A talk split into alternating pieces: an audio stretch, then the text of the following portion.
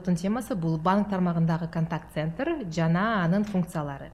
Биздин коногубуз бүгүн телеге абирова бакай банктын контакт центринин начальниги. Саламатсызбы тилекей саламатсызбы элвира аябай кубанычтабыз. Сиз бүгүн бизге келип келгениңизге бул өзүңүз жөнүндө айтып бересизби өзүңүз банктагы ишиңиз кантип өтөт? Ошол контакт центрдин начальнигинин задачалары кандай болот рахмат.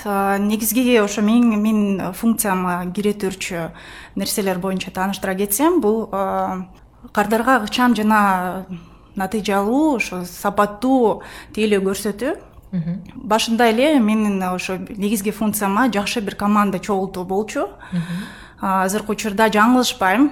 Бизде жаш креативдүү айтып кетсем болот жакшы команда иштеп жатат. Анан негизги функциямдын кириши боюнча айта кетсем бул ички нормативдүү документтерди иштеп чыгаруу жетекчилик тараптан бир стратегиялык пландар коюлса ошону ишке ашыруу жалпы эле заманга убакытка жараша кандайдыр бир талаптар болсо ошону бир проектке келтирип анан ошону ишке ашыруу да? Бул негизги функциям деп эсептесек болот. Сонун экен. Буга чейин сүйлөшүп кеткенбиз биз тилекей экөөбүз. Тилекей өзүнүн карьерасын ошо стажердон баштаган э? Ошондо сиз өзүңүз дагы кардарлар менен сүйлөшүп аларга маалымат берчүсүңөр э? Ооба биринчиден эле ошо банкка келип э, кадам таштаганым бул ошо стажер болуп киргем ошол эле байланыш борборуна анан ошо өсүп э, келип жетекчиликке жеттим десем болот. Азыркы убакта сиздин э, контакт центриңизде канча адам иштеп жатат? Азыркы учурда биз штат көбөйтүп атабыз ошол эле кардардын талабына жарашуу азыркы учурда бизде сегиз адам иштейт. Менден тышкары. Ошол сегиз адамдарды силер өзүңөр рекрут кылып тандап аларды үйрөтүп анан контроль мониторинг жасайсыңар э? Ооба кабыл алуудан баштап эле үйрөтүү ошол эле менин функцияма анан бизде супервайзер деген түшүнүк бар ошол адистердин функциясына кирет үйрөтүп кандайдыр бир жаңылыктар болсо сапаттуу сапатты жакшыртуу максатында көптөгөн тренингдерди өткөрөбүз үйрөтүүлөрдү аткарабыз. Түшүнүктүү азыр банктагы ошол контакт центр кантип иштеп жатат? Бул телефон номерлери каналы связи деп коет экен э орусча айтканда. Ошол жөнүндө айтып кетесизби? Азыркы учурда ошо эң идеалдуу контакт центр деп эске алсак бул элүү алтымыш пайыз үн аркылуу консультация алууну талап кылат. Анан ошо телефон аркылуу жыйырма төрт саат бою иштейбиз. Дем алышсыз акысыз чалуу номери бар бизде шаардык тейлөө номерлери бар. Ошол аркылуу ошо акысыз чалуу деп айтсак ошо алтымыш бир он бир деген номерибиз бар. Баардык сотовый операторлордон акысыз чалып маалымат алса болот андан тышкары ошол эле кырк элүү пайызга чейин бизге тексттик каналдар аркылуу байланышат маалымат алыш үчүн. Бул facebook болобу же whatsapp болобу кандайдыр бир жеткиликтүү кардарга жеткиликтүү болуш үчүн ар тараптуу каналдарды иштетип келебиз да. Ошондо силердин сайтыңарга киргенде whatsapp аркылуу же болбосо ошо онлайн мессенджер деп коет. Ошол аркылуу силерге дагы кайрылса болот э туура ооба социалдык тармактан болобу же болбосо расмий сайтыбызга кирип ал жерде чыккан бир мессенджерлердин белгиси бар. Ошол аркылуу бизге жазса болот да. А бир күндө канча чалуу же канча месседждер келет да айтып бере аласызбы эгерде объемун ала кетсек ошол эле мен айтып кеткендей пайыз боюнча кээде элүү элүүдөн элүүгө пайыз болуп калат кээде чаттык кайрылуулар көп болуп калат кээде ошо жарымнамага дагы жараша болуп калат да кандай банк бир жаңылыктарды киргизсе сөзсүз түрдө биринчиден ошо байланыш борборуна кайрылышат да кардарлар. Анан статистика болуп айта кетсек бир айына сегиз миңден өйдө чалуулар болот. Андан ошондой эле бир жети миң сегиз миңден өйдө чаттык каналдардан кайрылуулар болот. Эмне үчүн аны э, сурап кеттим анткени улан экөөбүз э, коллега болчубуз буга чейин. Он жыл мурун биз оператор болуп дагы иштегенбиз ошондо эле супервайзер болуп иштегенбиз мегаком мобилдик операторунда. Ошондо биз иштеп жатканда бир оператор бир күнү жүз жүз жыйырма чалуу кабыл алчу да. Бирок ал убакта чалуудан тышкары мындай мессенджерлер жок болчу. Whatsapp жок болчу ошондой эле онлайн мессенджерлер анда кандайдыр бир колдоно элек болчубуз да. Азыркы убакта мен өзүмдү өзүм жөнүндө айта кетсем мен улуу британиялык стартапта иштейм. Ал и коммерция боюнча иштейт да бул онлайн коммерция боюнча. Бизде ар кандай бир amazon ebay деген онлайн маркет плейстер бар го. Ошол онлайн маркет плейстердин баарын бир жерге чогулткан биздин приложениябыз эп деп коебуз да. Ошондо биз азыркы айырмасына аябай мага кызык болуп атат. Анткени буга чейин биздики жүз пайыз баардык эле чалуулар болсо бул финансылык сектордо банкта элүү пайыз чалуулар элүү пайыз мессенджер болсо биздин компанияда бул ошо айти стартапта чалуулар где то бир он пайыздай болуп калат да же жети пайыздай. Андан тышкары бул баардыгы тең жөн эле мессенджер. Биздин онлайн ошол биздин приложенияга киргенде веб версиясында үстүндө жазылып турат чат with customer support деп. Ошондо ошентип эле чат аркылуу бизге жиберет. Скриншотторун кандай бир туура эмес болуп калган жерлерин баарын жибере беришет ал эми чаттан тышкары биздики имейл бар да. Бул электрондук почта аркылуу дагы маалыматты жиберет. Ошондо силердики whatsapp жана ошо онлайн чаттан тышкары электрондук почтага жибереби суроолорун же болбосо көбүнчөсү whatsapp аркылуу эле болобу негизи бизде коопсуздукка көп көңүл бурулат банк тараптан. Анан ошол адистердин почтасына аябай абдан көзөмөлдөшөт да бизде информационный технология боюнча безопасность боюнча ушу көзөмөлдөшөт ошол себептен биз чектегенбиз негизи эле азыр ошо кардарлар электрондук почтадан алыстап бат жазышууга мүмкүнчүлүк берген чаттарга өтүп баратышат да. Айта кетсек бул онлайн чат мессенджер э, whatsapp болуп калат да. Бирок аябай жакшы нерсени айтып кеттиңер азыр ошол электрондук почта аркылуу жибергенде баардык маалыматтар жакшы сакталып калат го ал эми мессенджер аркылуу жибергенде эгерде банк тараптан сакталып калса ал эми кардарларда ар кандай болушу мүмкүн да э өзүнүн телефонун жоготуп алып же чатты удалить этип э, алып салса анда ошол маалымат жок калышы мүмкүн да. Ошондойго кандай деп ойлойсуңар? Электрондук почта көбүрөөк колдонуш керекпи же кардарларга бул ыңгайлуураак болобу? Whatsapp менен колдонгон. Абдан жакшы суроо экен элвира рахмат негизи бизге телефон чат аркылуу конфиденциалдуу маалымат берилбейт да.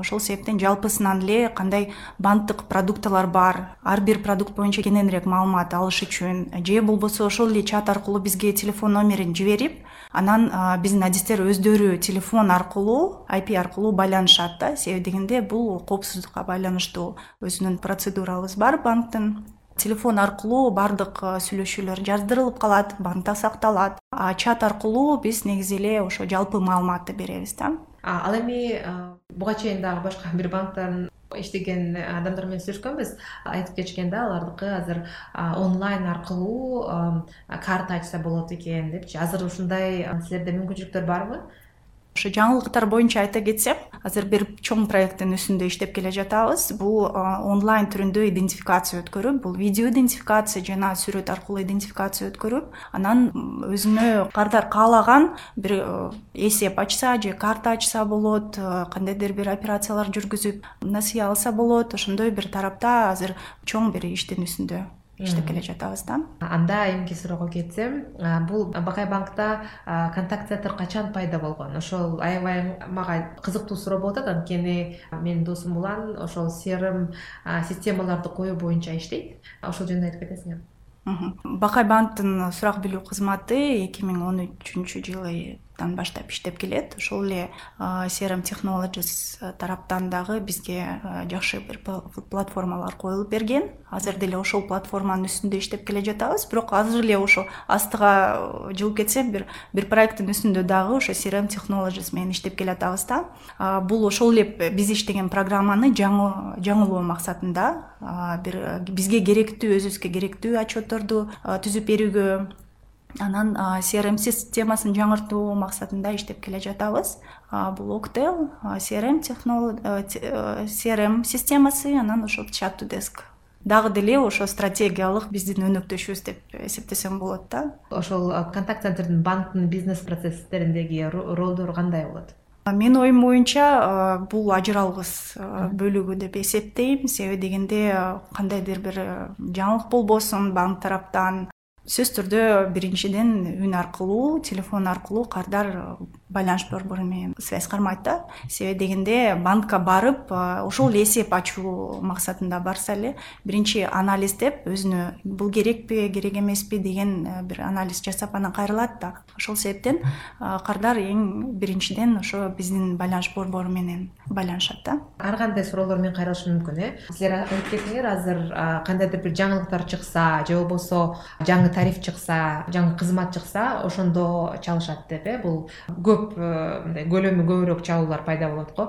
Андан тышкары кандай дагы башка суроолор боюнча кайрылышы мүмкүн да? Мисалы менин балансымда акча бир башка жака кетип калды же туура эмес алып кетти окшойт деп ошондой суроолор менен кайрылышабы андан тышкары дагы кандай суроолор пайда болот бизге чалуулар негизи эң жөнөкөй эле суроолордон баштап бул тейлөө кеңселер кайсыл жерде э, график иштери боюнча суроолор келип түшсө андан тышкары дагы колдоо тараптан дагы көп суроолор келип түшөт. Ошол эле эсебимде канча акча кайсыл жерге кетип атат деген суроолор дагы көп келет да бизге жанагы бизнес процесстер боюнча айтып кетсек э, менин компаниямда мындай да биздин сейлс деп коет бул продажники сатуучулар алар биринчи кардарларды бизге издейт. Биздин кардарлар бул өзгөчө бизнес кичи же болбосо орточо бизнестер да. Ошондо алар биринчи аларды издейт. Андан кийин биздин success менеджмент деп коет. Алар биздин кардарлар менен аларга баардыгын толук маалыматты берип көрсөтүп анан ошолор менен контракт түзгөндөн кийин алар иштей баштайт да биздин предложение менен. Андан кийин эгерде суроолору пайда болсо биздин ошо техникалык поддержкага тех суппорт деп коет ошого кайрылат да. Ал эми ага чейин эгерде абдан көп суроолор бар болсо ошол эле success менеджерлерге кайрылышат да. Силерде ошого окшош алгоритм барбы? Же болбосо кандайдыр бир башка менеджерлер келип бетме бет сүйлөшкөн ошондой учурлар болобу ошо биздин контакт центр байланыш борбору негизи универсалдуу. Сатуу максатында дагы иштеп келебиз. Анан ушу техникалык колдоо боюнча дагы иштеп келебиз да. Себеби дегенде азыр телефон аркылуу биздин адистердин тажрыйбасы көбүрөөк болгондуктан биринчиден ошо биз каалаган кардарлар менен байланышып бизге заявка түрү түшөт расмий сайт аркылуу анан бир платформа аркылуу анан биз чалып кененирээк маалымат берип кетип андан кийин ошо филиалдарга жөнөтүү максатында иштейбиз. Бирок ошол эле айтып кеткендей жаңы проекттин үстүндө иштеп атпайбызбы деп айтпадымбы буга чейин ошол проект боюнча акыркы жеткенге чейин кардарларга ошол эле контакт центр борбору иштеп келет да. Бул консультация берип туруп анан эгерде кардар кааласа мисалы үчүн карта ачууга же эсеп ачууга ошол эле адис тараптан эле мүмкүн болот да. Эмки суроом бул эки миң жыйырманчы жыл аябай катуу жылдардан болду. Ошол ковид пандемиясы менен кандайдыр бир өзгөрүүлөр пайда болдубу сиздин банкта ошол контакт центрде? Өзгөрүүлөр болду деп дагы эсептеп кетсек болот негизи ар бир эле бизнес банк болобу же башка компания болобу кардарга дистанциялык тейлөөнү көрсөтүүгө бир кадамдарды жасап келген да буга чейин эле. Болгону ошо ковидтин э, келиши менен э, ошол кадамдар тездетилди деп ойлойм да. Тез аранын ичинде ыкчам жардам берүүгө бир түрткү болду десем болот да. Албетте кайрылуулар көбөйдү бизде дагы кардарлар бар экен контакт центр бар экенин дагы билбегендер да бар экен. Ошо э, аргасыз болуп э, контакт центр бар экенин билип анан ошо ыңгайлуу экенин телефон аркылуу чат аркылуу кайрылуу ыңгайлуу экенин сезгенден баштап кайрылуулар да көбөйдү. Толугу менен нагрузка көбөйдү десем жаңылышпайм. Себеби дегенде эске сала кетсек эки миң жыйырманчы жылы карантинге учурап калганда банк менен кардардын ортосунда ошол бир контакт центр болуп иштеп келди да. Себеби дегенде бир пункттан экинчи пунктка жетиш абдан кыйын болбодубу кардарларга ошо негизги суроолорду биздин адистер чечүүгө аракет кылышкан да албетте ушул эки миң жыйырманчы жыл аябай кыйын жыл болду. Анткени биздин компания бул ошо онлайн продажа менен алектенген компания да ошол эки миң жыйырманчы жылдын мартынан апрелинен баштап биздин кардарлар аябай көбөйүп кетти. Анткени эгерде буга чейин мисалы барып жөн эле дүкөндөн сатып алса эмне болот? Тамак аш болобу же болбосо кийим кече болобу. Майдан баштап апрелден баштап бул европада улуу британияда баардыгы ошо локдаунга отуруп калышты карантинге. Э, эч жака чыкканга мүмкүнчүлүгү жок болуп ошондуктан баардыгы мындай токсон пайыз же э, токсон беш пайыз бизнестин баары тең онлайн сатууга өтүп кетишти да. Ошондой эле ал жерде доставка дагы аябай көбөйүп кетти. Ошо доставка компаниялары дагы ошондуктан ушул суроо пайда болду да. Анткени биздики жыйырманчы жылдын башында эгерде биздин техподдержкада алты киши болсо жыйырманчы жылдын аягында жыйырма үч киши болду да. Финансылык сектор менен айырмасы бар э, чын эле. Анткени биздики ошол э, онлайн бизнес болуп атат. Ошондуктан биздики андан көп болуп кетти да. Ал эми бул финансылык сектордо ошо операторлор канчалык көбөйдү көбөйдүбү же канчалык ушу айтып атпайсызбы ошо нагрузка көбөйдү депчи? Дагы көбүрөөк киши кабыл алдыңарбы азыр деле ошол тарапта иштеп келе жатабыз. Биздин ошо кичинекей бөлүм чоңоюп келатат. Ооба андан бери көбөйдүк деп эсептесек болот. Дагы деле азыр кичине белгисиз болуп атпайбы кандай ситуация болуп кетиши мүмкүн деп ошого дагы ыкчам даярданып келатабыз. Негизи эгерде ошондой бир учур келип калса биз ошого даяр болушубуз керек дейм да. Ал эми э, жанагы платформа жөнүндө сүйлөшүп кетсек сиздин ошо сурак билүү центриңерде кандай платформа колдонулат? Кайсы поставщик интегратор ошол эле crm technologies менен иштешип келебиз. Э, бул эгерде айпи боюнча айта кетсем бул телефон аркылуу сүйлөшүү актел менен иштейбиз. Эгерде чат аркылуу байланышуу боюнча айта кетсем бул чат деск платформасында иштейбиз анда иштегенде бул мессенджерлер бар э? Ар кандай ошондой эле онлайн жиберсе болот кат э? Ошо онлайн жибергенде сизге ошо э, жөн эле жазып койсо болобу же болбосо мен кээ бирде ачып койсом башка банктардын мисалы силердикин ачып көргөн эмесмин. Ал жерде чыгат да өзүңөрдүн атыңарды жибергиле номериңерди жибергиле электрондук почтаңарды жибергиле депчи. Ошондой суроо барбы силерде онлайн чатта. Азырынча киргизе элекпиз э, мүмкүн э, убакыттын талабы менен киргизишибиз. Мүмкүн э, бирок азыр адис менен тез аранын ичинде байланыш үчүн ошол эле бир он секунддун ичинде убакыт кетирбеш үчүн себеби дегенде биз үчүн кардардын убактысы өтө баалуу да. Андай параметрлерибиз жок. Аты жөнүн жазуу эмейлди жазуу болгону жөн эле түзмө түз кайрылса болот бул андан жакшыраак деп айтып кетем. Анткени мен жазганда ал жерде мындай звездочкалар туруп калат го. Бул обязательное поле депчи э, ошону жазмайынча сен аны жибере албайсың да эч кандай суроо бере албайсың. Балким мен өзүмдүн номеримди жазгым келбей атат же электрондук почтамды э. Ооба туура. Ошондуктан жөн эле түз эле кайрылуу өзүңдүн сурооңду берүү бул аябай ыңгайлуу деп ойлойм. Ошондуктан силердин чатыңар жакшынакай экен кирип карап көрүш керек экен андан тышкары кандай функциялары бар? Мессенджерлер бул whatsapp да? Whatsappтан тышкары telegram барбы telegram бар чат ботубуз бар андан тышкары баардык эле социалдык баракчалардан кайрылуулар ошол эле биздин байланыш борборубузга келип түшөт. Комментарий болобу же болбосо директке кайрылуу болобу. Биринчиден ошо биздин адистерге келип түшөт. Бул социалдык тармактар деп facebook instagram жөнүндө facebook instagram туура ооба ошол социалдык ал жөн эле мессенджер эмес кандайдыр бир комментарий калтырса деле ошол э, силерге келип кетет экен э ооба келип түшөт. Бизге ошол эле биргеликте биз маркетинг бөлүмү менен тыкыз мамиледе иштейбиз. Ошол ал тараптан да көзөмөлдөнүлөт анан ошо бизге келип түшкөн суроолорго жооп беребиз. Ошондо силер айтып кеттиңер бакай банктын контакт центри эки миң он үчүнчү жылы ачылды деп э. Ал эми бул crm technologiesдин ушул актел платформа аркылуу иштегени ошол замат эле баштадыңар белеңер бул же болбосо кичине кечирээк коштуңар белеңер жок ошол эле замат кошулуп баштаган. Эгерде буга чейин анысыз колдонсоңуз кандай болот депчи?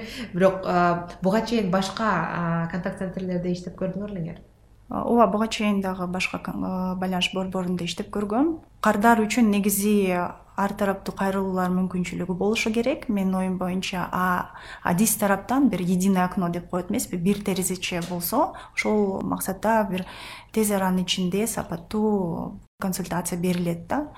Баардык эле банктарда бир платформанын үстүндө иштеп келет го деп ойлойм. Негизи бул ыңгайлуу платформа да себеби дегенде. Биз көрүп турабыз канча адиске канча кайрылуулар келип түштү кайсы убакыттын ичинде тейледи канча исходящий деп коет эмеспи? Тышка чалууларды аткарды. Ошол себептен бул көзөмөлдөө үчүн бул эң ыңгайлуу платформасы деп ойлойм да ошол платформа жөнүндө эле кайрадан сүйлөшсөк кандай отчетторду ала аласыңар? Мен э, түшүнүмчө өзүңөр мисалы бизге мындай мындай отчет керек болчу кошуп бере аласыңарбы деп айтсаңар силерге ошол crm technologies компаниясы ошондой отчетторду кошуп берет э. Эгерде бир эки отчет айтып кетесиңерби кандай отчеттор менен колдоно аласыңар негизи ошо crm technologies бизге техникалык тараптан көзөмөлдөө колдоо жүргүзүп да келет. Анан ошо бизге керектүү отчеттор болуп калса жаңылаган отчеттор болуп калса сөзсүз түрдө биз кайрылабыз. Тез аранын ичинде бизге ыңгайлаштырып жаңыртып беришет да ошол отчетту коюп беришет. Негизги отчетторду ала кетсек ошол эле бир айдын ичинде канча ар бир адис канча кайрылуу кабыл алды кайсы убакыттын средний время разговора деп коет эмеспи? Орточо бир убакыт алынган канча убакыттын ичинде тейледи. Анан эле ошол эле биз мотивация тарабын дагы эске алышыбыз керек контролдошубуз керек. Адистердин баардык сүйлөшүүлөрү жазылып калган себебинен угуп турабыз да. Кандай тейледи кандай маалымат берди ошол себептен ыңгайлуу отчеттор бар деп өзүңөрдүн кандай бир кандайдыр бир kpiңар барбы? Мисалы мен өзүм супервайзер болуп иштеп жүргөндө бизге мындай болчу да жарым зарплата өзү фиксированный болчу кандайдыр бир сумма мисалы он миң сом. Андан башка бөлүмү элүү пайызы. Ошол адис кандай иштегени канчалык көп кардарлар менен сүйлөшкөнү канчалык жакшы сүйлөшкөндөн көз каранды болчу да ошондой силерде ошондой колдоносуңарбы же болбосо кандайдыр бир kpiлар жокпу? Kpi бар. Ошол отчеттун керектүүлүгү дагы ошол себептен да көзөмөлдөн тышкары дагы мотивация жагын ойлой кетсек биз адистерге ай сайын мынча чалууларды кабыл алдың деп дагы бир лучший сотрудник лучший оператор дегенди наам дагы берип кетебиз. Анан бири бирине мындай жакшы түрдө бир атаандашуу пайда болот. Ооба kpiибиз бар? Ал тараптуу дагы иштейбиз. Ошол kpiга бул платформадан кандайдыр бир функциялар жардам береби? Ооба түзмө түз жардам берет. Себеби дегенде ошол эле канча чалуулар болсо ошол отчетторду кабыл алабыз. Анан эле ошол негизинен канчалык көп чалууларды кабыл алуу эмес ошончо сапаттуу дагы болуш керек да көптөгөн эле отчетторду ошол платформадан алабыз биз. Э, сапаттуу деп эмнени айтсаңар болот да? Анткени мисалы биз мен мегакомдо дагы иштегем андан башка бир финансылык компанияда дагы иштегем. Мегакомдо биздики жазылып кеткен регламенттер бар болчу да? Моундай толтура регламентте ар кандай эрежелер бар болчу. Сүйлөгөндө дагы кайсы фразаларды колдонуу туура эмес колдонуп койсоң бизде kpiларды жазган дагы бир отдел бар болчу. Ошондо kpiң аз болуп калса анда алган зарплатаң дагы аз болуп калышы мүмкүн болчу башка финансылык компанияга кеткенде биздики кичине ал жерде башкачараак болгон болчу да. Анткени адамдар башкача алар аларга өзүнүн ошо кандай адам кардарлар биз менен сүйлөшсө биз дагы ошол деңгээлде сүйлөшүбүз керек болчу да. Ошондо мен түшүнгөм контакт центрлер дагы ар кандай болот экен деп. Силердин контакт центрлерде кандай бир ошондой регламент же болбосо өзүнчө мындай стандартный фраза деп коет орусча айтканда э ошондой эрежелер барбы негизи скриптер деп коет эмеспи. Ошондой биз жазып чыкканбыз. Ошого байланыштуу кардарларды тейлейбиз. Бирок эми ар кандай кайрылуулар болушу мүмкүн да.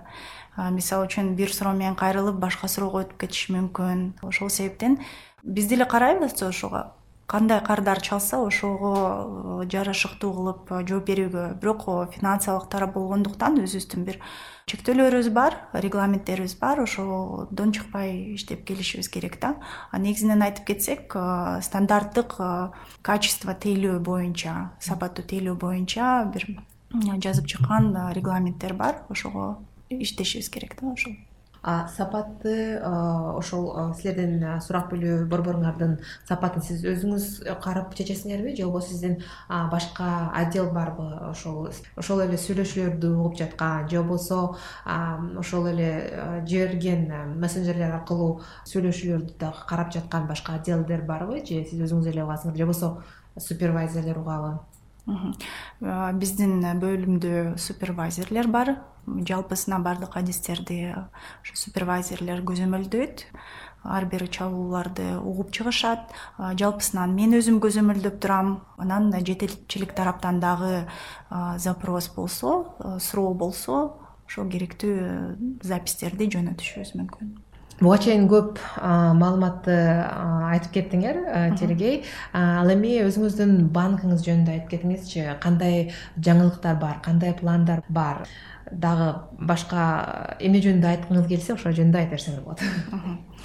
Негизи биздин банк кардардын убактысын сактоо максатында чоң иштерди жүргүзүлөт ошонун бирин айта кетсем бул дистанциялык тейлөө тарабын дагы абдан көзөмөлдөйт жаңыртууларды киргизип жатат. Мисалга айта кетсем бул сбербанктан келип түшкөн которуулар э баардыгыбыздын эле жакындарыбыз бар болушу мүмкүн. Снгде жүрө турган э мигрант катары болобу же болбосо бир проект боюнча кетишкен ошолордун которуусу ыңгайлуу болуш үчүн бул которуу чыгып келген. Бул сбербанктан түзмө түз картага болгон сбербанктын тиркемеси аркылуу биздин кардардын бакай банктын кардарынын телефонун жазып эле моменталдуу которуулар келип түшөт. Анан андан тышкары дагы биз ошол кардардуулардын кандайдыр бир нааразычылыгы болобу же болбосо сунуштары болобу сөзсүз түрдө бул иштетилип келет көзөмөлгө алынат бул негизи банктын продуктысын жакшыртуу максатында деп айта кетсем болот да. Ошол эле убакыттын талабы менен кардардын талабы менен ошо жаңы проект буга чейин айтып кетпедимби аргалыкта дистанциялыкта идентификация өткөрүп анан кардарга өзү каалаган бир продукты ачып берүүгө же эсеп ачып берүүгө дагы иштеп келе жатабыз да. Жакшы нерсени айтып кеттиңер бул сбербанк боюнча э анткени чын эле абдан көп адамдар биздин кыргызстандан жана башка мамлекеттерден бирок кыргызстандан аябай көп россияда иштеп жаткандар э ошол жерден буга чейин акча каражат жиберүү аябай тоскоолдуу болуп деп ишенчүмүн азыркы убакта болсо аябай көп ыңгайлуу нерселер ачылып атыптыр башка банктарда дагы бирок бакай банкта азыр айтып кеттиңер сбербанктын тиркемеси аркылуу жибергенде ошол замат эле келет. Бирок келгенде банкка барып ошол акчаны алыш керек туурабы жок карта эсебине түшөт түзмө түз эле анан ошо банкка келип кезекте турбай убактысын кетирбей банкомат аркылуу чечүүгө мүмкүнчүлүк бар да. Андан тышкары ошо чоңдогон бир проекттер ишке ашырылды. Ошол эле карта боюнча тейлөө тарифтерин э, төмөндөтүүгө аманат э, деп коет эмеспи? Срочный депозит боюнча пайызын көтөрүүгө жакшы бир жаңылыктар болду да. Ал эми ошондо силердин өзүңөрдүн банктын приложениясы барбы мындай онлайн банкинг онлайн интернет банкинг деп коет э эгерде веб версия компьютер аркылуу кирсек. Ал эми э, мисалы айpad же болбосо өзүбүздүн телефонубуз аркылуу кирсек бул веб версия эмес өзүнүн приложениясы бар болушу мүмкүн э. Ошол жөнүндө айтып кетесиңерби ооба жакын арада ошо жаңыртуу киргизилет. Биздин э, тиркемеге бакай жыйырма төрт деп аталат. Анын ичинде көптөгөн э, операцияларды жүргүзүүгө мүмкүн болот да. Ошол эле эң жөнөкөйү айта кетсек бул үйдө отуруп эле мисалы үчүн бир капчыктан картага которууга мүмкүн мобилдик телефонго комиссиясыз акча которууларын жана көптөгөн башка дагы функциялары бар да. Аябай сонун азыр э, суроо болуп кетти. Анткени буга чейин да биз ошо электрондук капчыктар жөнүндө улан менен сүйлөшкөнбүз. Азыркы убакта аябай ар кандай э, электрондук капчыктар пайда болуп атат. Мисалы ошол эле биздин э, мобилдик оператордун капчыктары туурабы. Ал деген бул ошол мегаком о жана билайн. Андан тышкары бул ушул биздин банктардын электрондук капчыктары банктардын электрондук капчыктарынын жакшысы бул ошол өзүнүн счету менен дагы синхронизация кылып койсо болот туурабы. Ошол мисалы эл сом болсо эл сомго э, счеттон жиберип анан кийин эл сомдон башка нерселерге дагы ошол ошол эле жана коммуналкага төлөсө болот туурабы. Ал эми ошол бакай банкта коммунальный услугаларга кызматтарга төлөгөнгө же болбосо ошондой айтып кеткендей эле телефондун балансын толуктаганга комиссиясы менен болобу же комиссиясы жокпу? Көптөгөн операциялар жалпысынан бир токсон пайыздан ашырын операциялар комиссиясыз болуп келет. Биздики электрондук капчык эмес бул интернет банкинг болуп аталат. Себеби дегенде интернет банкингдин картага байланыш болуп атпайбы интеграция. Э, эгерде кардар накталай акча чечем десе эле ошол эле карта менен банкомат аркылуу чечсе болот. Же банктын бөлүмдөрүнө же болбосо ошо электрондук акча каражатын коротом деп колдоном десе ошол эле интернет банкинг аркылуу колдонсо болот э? Ооба. Ошол интернет банкинг аркылуу башка банктардын ошол счетуна жиберсе болобу акча каражат. Мисалы менин бакай банктын счету бар ошондой эле башка мисалы кыргызстан банктын счету бар. Же болбосо демир же болбосо оптима ошол жерге мен жиберүүгө мен мүмкүнчүлүгүм барбы? Мүмкүнчүлүк бар. Бизде мисалы үчүн банкта эл карт карталар да ачууга мүмкүн виза карталар да ачууга мүмкүн. Башка банктын карталык эсептерине дагы которсо мүмкүнчүлүктөр бар да. Ошондо дагы аябай мага керектүү суроо болуп атат. Бул сомовый эле счет болобу же болбосо доллар счет дагы ачса болобу кардордун каалоосу боюнча долларлык эсеп дагы ачса болот же сомдук эсеп дагы ачса болот да дагы бир э, жакшы суроо бар менде. Бул менин сүйүктүү суроом дебейинби жалоба боюнча эгерде силердин кардарларыңар кандайдыр бир терс мамиле менен же болбосо ошол онлайн банкинг иштебей калып же болбосо акча каражаты кайсы бир жерге жоголуп кетсе ошол ошондой жалоба менен силерге кайрылса болобу ошо канчалык көп адам силерге кайрылат кардарлар негизи э, банктын канча каналдары бар болсо ошол каналдар аркылуу арыз э, же нааразычылык катын кабыл ала беребиз. Ошол эле түрдө контакт центр борбору дагы иштейт. Жалпысынан эле биздин банк бакай банк эгерде бир кемчиликтер болсо аны мойнуна алып ошол тараптуу жакшыртуу максатында иштеп келет деп айтсам болот. Мисалга ала кетсек э, картада акча каражатын таппай калса кардарлар выписка боюнча түшүнүксүз болуп атса сөзсүз түрдө ошо контакт центр бизге акысыз чалуу номерине кайрылып э, идентификация өтүп ошо коопсуздукка байланыштуу анан э, кенен маалымат алса болот да. Меники бир анчалык жакшы эмес нерсе болгон бир башка банк менен ошондо мен өзүм сурадым да whatsapp аркылуу. Ал жерде дагы ошондой кардарларды колдогон борбор бар болчу. Мен монча канча акча каражатын чыгарып алсам банкомат аркылуу ошондо комиссия алынабы деп. Анткени бул менин ошол зарплатный проектим болчу деп. Эгерде сиз э, зарплатный проект болсоңуз аны долларга өткөрүп туруп анткени ошол жерде бул онлайн банкинг аркылуу интернет банкинг аркылуу сомду долларга өткөрүп койсо болушу мүмкүн болчу да мен аларды өткөрүп туруп чыгарып алган болчумун. Чыгарып алганда акча алса болобу ошондо комиссия алынабы десем жок деген. Бирок барып кассага барып чыгарып алсам комиссия алынып калды мен анан кайра жаздым. Эмнеге комиссия алынды? Сиз өзүңүз жазбадыңыз белеңиз деп кайра ошол жазган сөздөрүн кайра көрсөткөн болчумун да. Анан кийин кайсы кайсы адреске бардыңар эле кайсы кассага бардыңар деп баарын сурады. Анан кийин баары бир бул маалыматты бул арызды туура эмес чечкен жок да. Анан кийин өзүңөр ошол кассага барып сүйлөшкүлөчү деп койду. Мага аябай жаккан жок да ошондуктан мен ал банктан кетким келип атат. Дебейинби анан барып кайрылдым бардым баары бир менин өзүмдүн убактымды таап ошол бир саат убакыт кетти. Ал жерде ошол кезекте туруп анан эмнеге мындай алдыңар десем мына биякта башка перевод болгон экен ошон үчүн алдык дейт. Бирок перевод деген ал кичинерээк сумма экен да. Мен андан көбүрөөк сумма алган болчумун эмнеге бул ошол ноль беш пайызды алып салдыңар баардык суммадан десем а туура эмес экен деп анан кайра мага кайтарышты да алып алышкан комиссиясын мен ойлойм ушундай кардарлар өзүнүн арызы менен кайрылганда бул компанияны жакшыртат депчи. Бул бир эле мисал деп ойлойм. Андан тышкары кээ бирде адистер туура эмес айтып коюшу мүмкүн туурабы. Ушул ушул мисалда эле. Же болбосо терс мамиле кылып коюшу мүмкүн.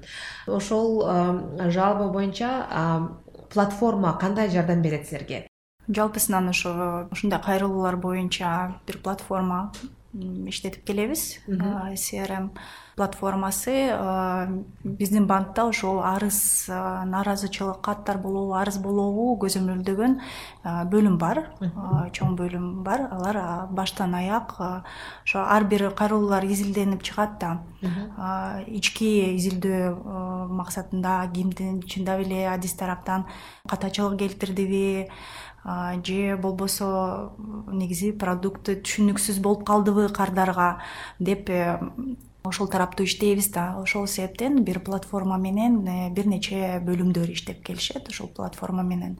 Ошол э, тиешелүү арыз тууралуу тиешелүү бөлүмдөр өз алдынча кирип кайсы стадияда экенин бул арыз кардар тараптан экенин өздөрү көрүп алса болот да негизи баштан аяк чечилбес э, арыздар болбошу керек деп ойлойм. Ошол себептен баштан аяк кайрылуулардан баштап мен нааразымын деген сөздөн баштап рахмат менин суроом чечилди мен абдан ыраазымын дегенге чейин биз жеткиришибиз керек да ошол бир сапаттын бир э, негизги көрсөткүчү деп ойлойм да.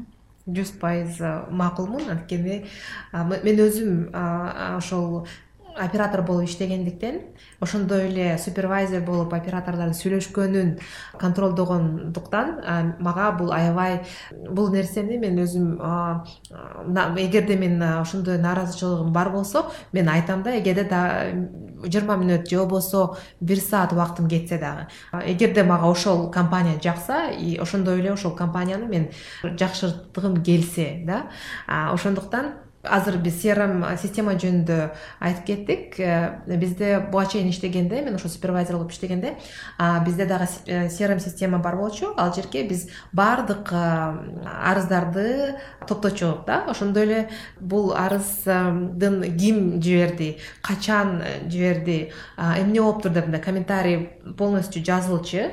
Ошондой эле ал жерде кадамдын артынан кайсы кадам болгонун баары жазылып турат да. Кайсы отделга жиберилген да изилдөө үчүн. Ал отделден кандай эмне деп жооп келген ошонун баары аябай ыңгайлуу деп ишенем. Сизде кандай ошол кантип чечилет? Кандай алгоритми бар? Ушуну айтып кетесизби негизи биз тараптан болобу ошо байланыш борборунун тарабынан болобу же болбосо книга жалоб деп коет эмеспизби филиалдарда болгон бөлүмдөрдө болгон китепчелер бар. Же расмий сайт аркылуу кайрылып ошол жерден арыз калтырыпса болот. Анан ошол эле сапатты жакшыртуу максатында иштеген бөлүмгө жеткирилет. Бул сөзсүз түрдө сөзмө сөз кээде жеткирилет. Кардар кандай кылып жазса же болбосо телефон аркылуу айтып берсе ошол бойдон жеткирилет. Андан тышкары ошол эле резолюция даярдалат кайра кардарга кат даярдалат бир өзүнүн ар бир этабын өтмөйүнчө бул арыз жабылбайт десем да болот да. Түшүнүктүү анда банк жөнүндө банктагы контакт центр жөнүндө сүйлөшүп кеттик. Банктагы идеалдуу контакт центр кандай болуш керек деп ойлойсуңар менин оюм боюнча канчалык техникалык тараптан камсыздарылынса ошондой эле бир ар бир техниканын артында адам отурат да. Бул профессионалдуу өзүнүн ишин билген адистер болушу керек. Анан ошол эле тез аранын ичинде маалымат берип тейлөө максатын жакшыртуу үчүн бир техникалык сапаттуу жакшы платформалар иштетилиши керек дейм да ошол факторлор болсо жакшы тейлөө борбору деп ойлойм да. Бул ошондой идеалдуу контакт центр бул сурак берүү борбору. Ал жерде жакшы техникалык сапаттуу нерселер э ошондой эле жакшы билимдүү англисче айтканда экспириенс адамдар адистер иштеш керек э? Ооба анан уламдан улам ошо кардарлар кандай талаптарды койсо мезгил убакыт кандай талаптарды койсо ошол менен бир убакыт менен бир кадамда келе турса анда жакшы тейлөө борбор болот деп ойлойм да. Банктагы бул сурак берүү борборунда кандай функциялар колдонулат а кандай функциялар колдонулбайт? Дагы бир жолу сурооңузду айта кетсеңиз. Бул crm система боюнча. Crm системасы боюнча ошол эле crm системасы мисалы үчүн витайгер деп коет эмеспизби ошол crm системасында иштеп келебиз. Мен айтып кеткендей эле актл системасы чат to деск системалары менен иштейбиз. Ошол эле убакыттын талабы менен аларды жаңыртып турушубуз керек да. Ошол жаңыртуу максатында дагы crm technologies компаниясы менен биз тыгыз мамиледе иштеп келебиз. Кандай функциялар келечекте талап болот деп ойлойсуз негизги функциялар ошол кардардын убактысын баалоо максатында иштер бул үйдөн отуруп эле көптөгөн өзүнө керектүү операцияларды жүргүзүү. Азыр ошол бир негизги маселе деп ойлойм да. Себеби дегенде мен ойлойм мен мага мисалы үчүн ыңгайлуу болмок. Мен үйдө отуруп эле эгерде жакын аранын ичинде мага эсеп ачыш керек болсо мен чалып идентификация өтүп анан эсеп ачсам мага абдан ыңгайлуу болмок деп ойлойм да. Баардык эле кардарларга ошондой болуш керек деп дейм да. Мисалы сиз расмий сайтка кирип өзүңүздүн аты жөнүңүздү жиберип эсеп ачууга мисалы канча акча каражат жиберип анан кийин ошентип ачканда сизге мисалы ошол эле картаны үйгө доставка менен алып келип берет. Мисалы э ошондой кылыппы ооба ошол эле негизги карта менен колдонуучулар абдан көп болуп атпайбы себеби деген баардык эле э, нерселер картага байланыш болуп атат да. Чет өлкөдөн бир кандайдыр бир э, заказ кылуу максатындабы же магазин аркылуу дүкөндөр аркылуу төлөөгө ыңгайлуу болуш үчүн мындай акча накталай акча кармабаш үчүн ошо карта талап көп болуп атат да ошол себептен ошо буга чейин айтып кеткендей эле идентификация аркылуу өтүп картаны ачып анан ошол эле мен иштеген жерге болобу же үйүмө болобу картаны жеткирип берсе бул жакшы бир мүмкүнчүлүк да. Анда тилеке сизге келгениңизге чоң рахмат. Аябай баалуу керектүү маалымат айтып кеттиңер. Мен ишенем биздин угармандарга бул абдан керектүү маалымат болду деп. Чоң рахмат саламатта калыңыздар. Сизге рахмат саламатта туруңуз